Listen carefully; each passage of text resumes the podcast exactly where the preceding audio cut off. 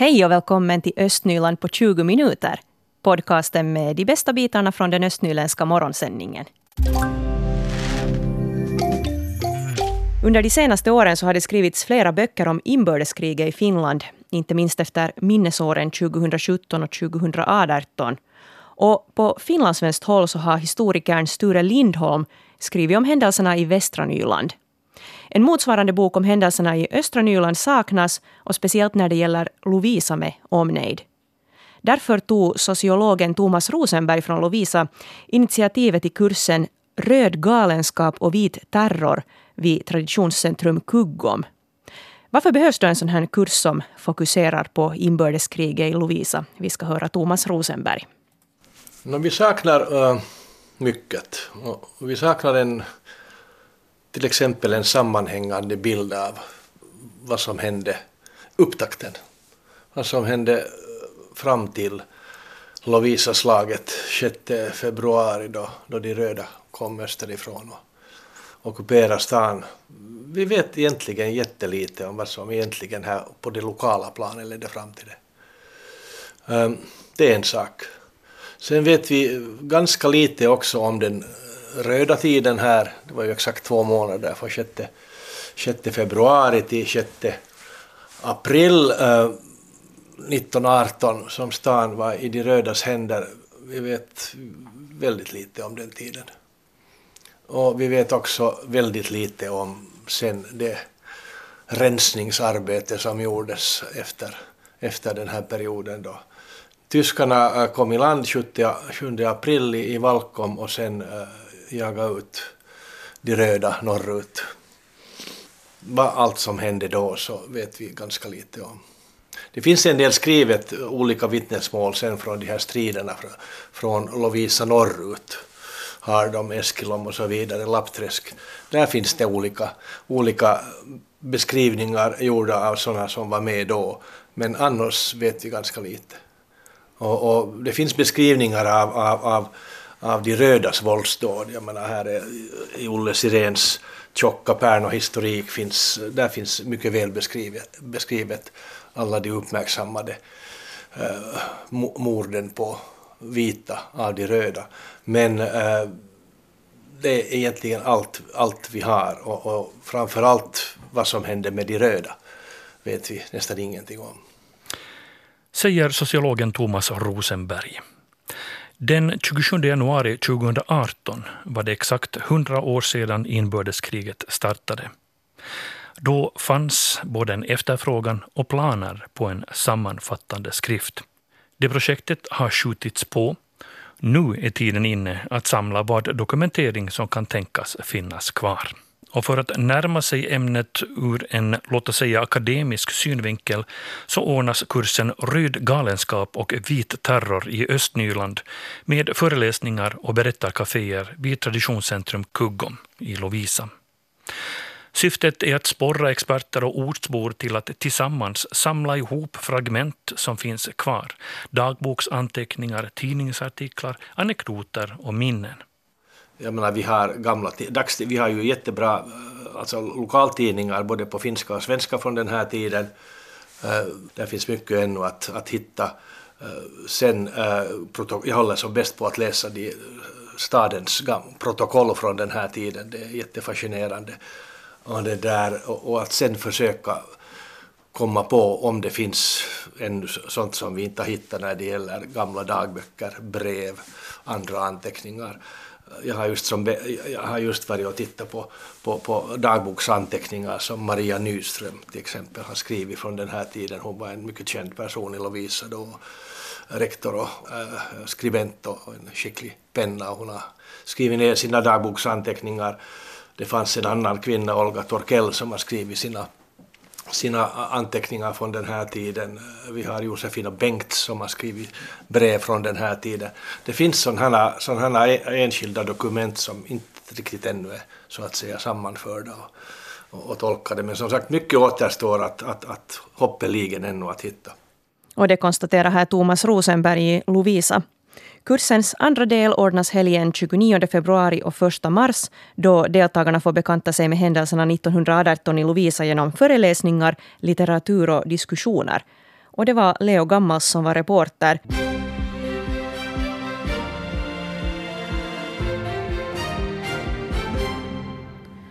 Klockan är halv nio och du lyssnar på de östnyländska nyheterna med Helena von Oftan. God morgon. Under veckoslutet drog en storm över regionen och vattnet var högt. Under stormdygnet hade Räddningsverket i östra Nyland 44 olika skadebekämpningsuppdrag. Träd hade fallit på vägar och några hade fallit också på byggnader men inga större farosituationer uppstod. Räddningsverket kollade också upp några plåttak som hotade att blåsa bort. I Sibbo är fortfarande 86 hushåll utan el efter veckoslutets storm. Och enligt Räddningsverket var det flera korta elavbrott runt om i regionen. Och det var också högt vatten. Många gator var stängda tidvis i Borgo. Och idag börjar Borgo Energi röja grenar som hotar ellinjer med hjälp av helikopter. Helikopterröjningen görs bland annat i Isnäs, Kabböle och på Sarfsalö. Och de här röjningsarbetena pågår i fyra till fem veckor framöver beroende på väderleken. Det kan bli korta elavbrott på de områden där man röjer. Och en eldsvåda hotade bryta ut i kraftverket i Kölvik i Borgå igår kväll. Smörjolja föll ner från ett mekaniskt lager och in i en stor panna. Det gav upphov till rök och larmet gick klockan 21. Den här händelsen hade inga effekter på produktionen och ingen skadades. Och Borgå stad får inga kvotflyktingar i år. Det var senast för tre år sedan som Borgå fick flyktingar. Då tog stadens invandrartjänster emot 75 flyktingar.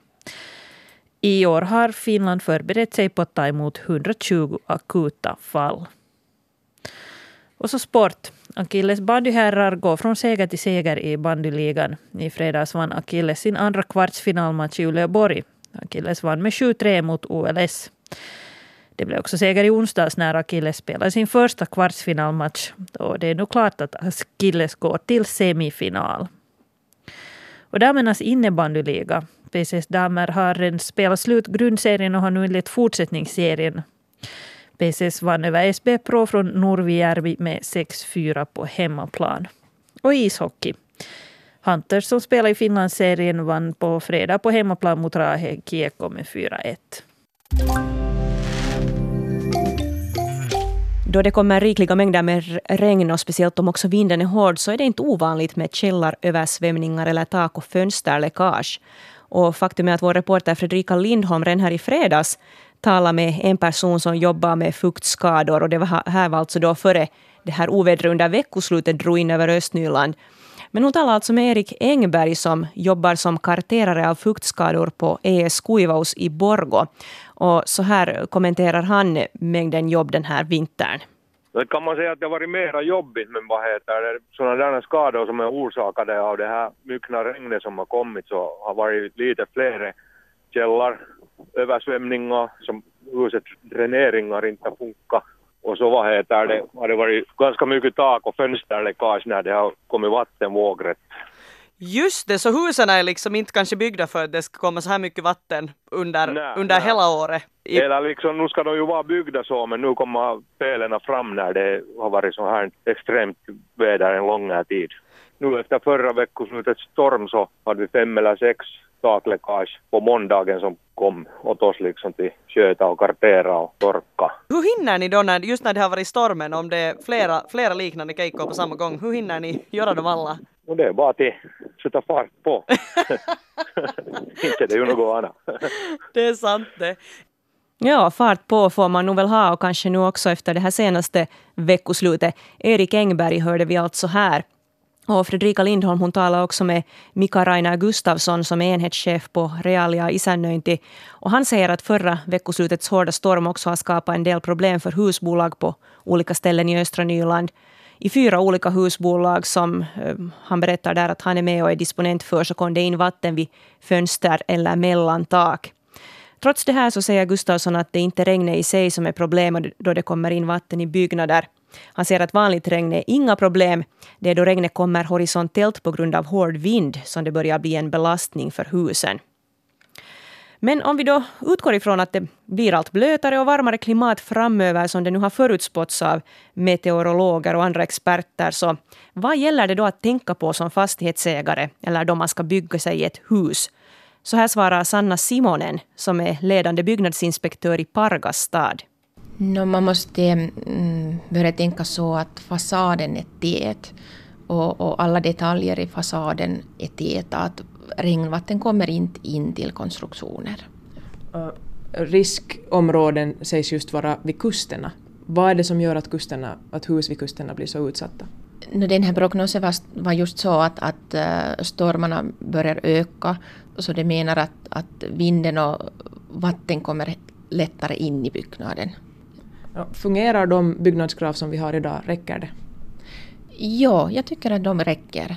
Mm, men man måste riktigt planera de där alla detaljerna, att, att de fungerar på det området och på, på den byggplatsen och, och, i den byggnaden man har planerat göra.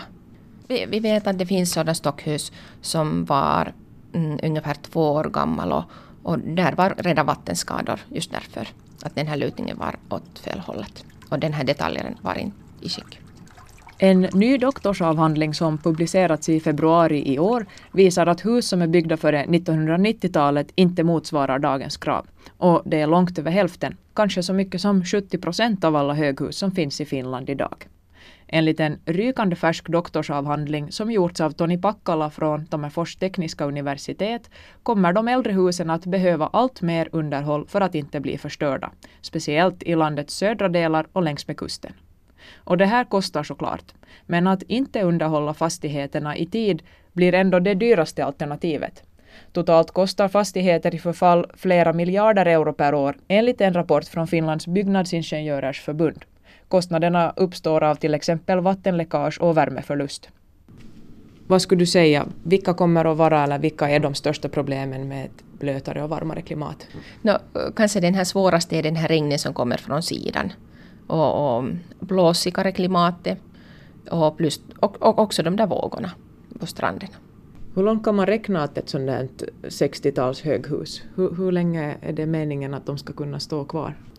Eh, faktiskt var sådan utbildningen där man sa att, att um, byggnaden håller 40 år och om man gör ingenting så då man kan räkna att man måste riva den bort det låter som ganska lite, det är ändå en ganska stor insats, det är en stor kostnad och sen står det 40 år. Men när vi har slott och annat som har stått i hundratals år. Vad tänker du om den här livslängden? Tycker du att man kunde borde försöka få upp, upp den lite? Man kan säga att, att, att man måste underhålla byggnader och, och om man underhåller så, så den här livslängden är mycket längre.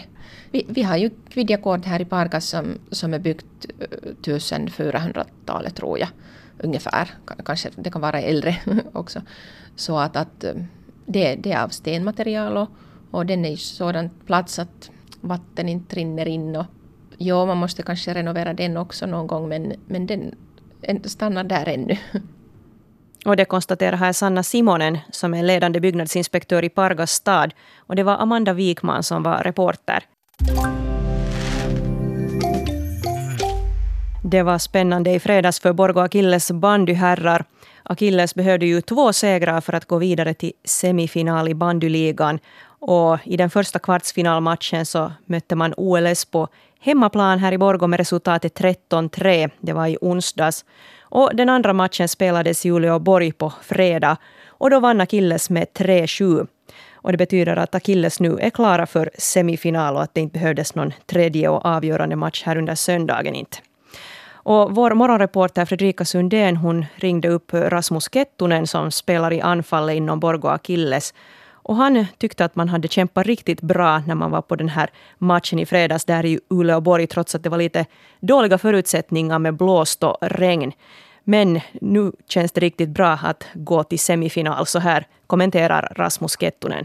Det känns bra såklart. Men, eh, men inte har man eh, inte tänker man på det för mycket utan man tänker på, på nästa träning och, och nästa match som, som är på onsdag och inte, inte har man hunnit eller inte hinner man tänka så, så himla mycket på, på det som har hänt och, och det att nu är vi i semifinal. Så man tänker på nästa match och det, Kamparit som kommer hit och, och det är på onsdag. Så det är där man har fokusen nu.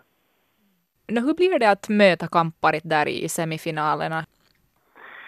Jo, det var ju vi som, vi som valde Kamparit eh, på, på vår sida så att säga på, på det här slutspelsträdet. Så det blev väl så som vi hade tänkt att vi, vi, vi går vidare och Kamparit går vidare och, och vi får möta dem i semifinal. Så, så eh, de är ett bra lag, absolut.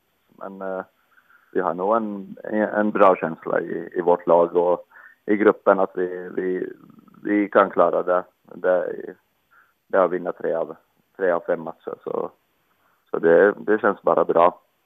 Men hur passar Kamparits spelstil eh, med er spelstil?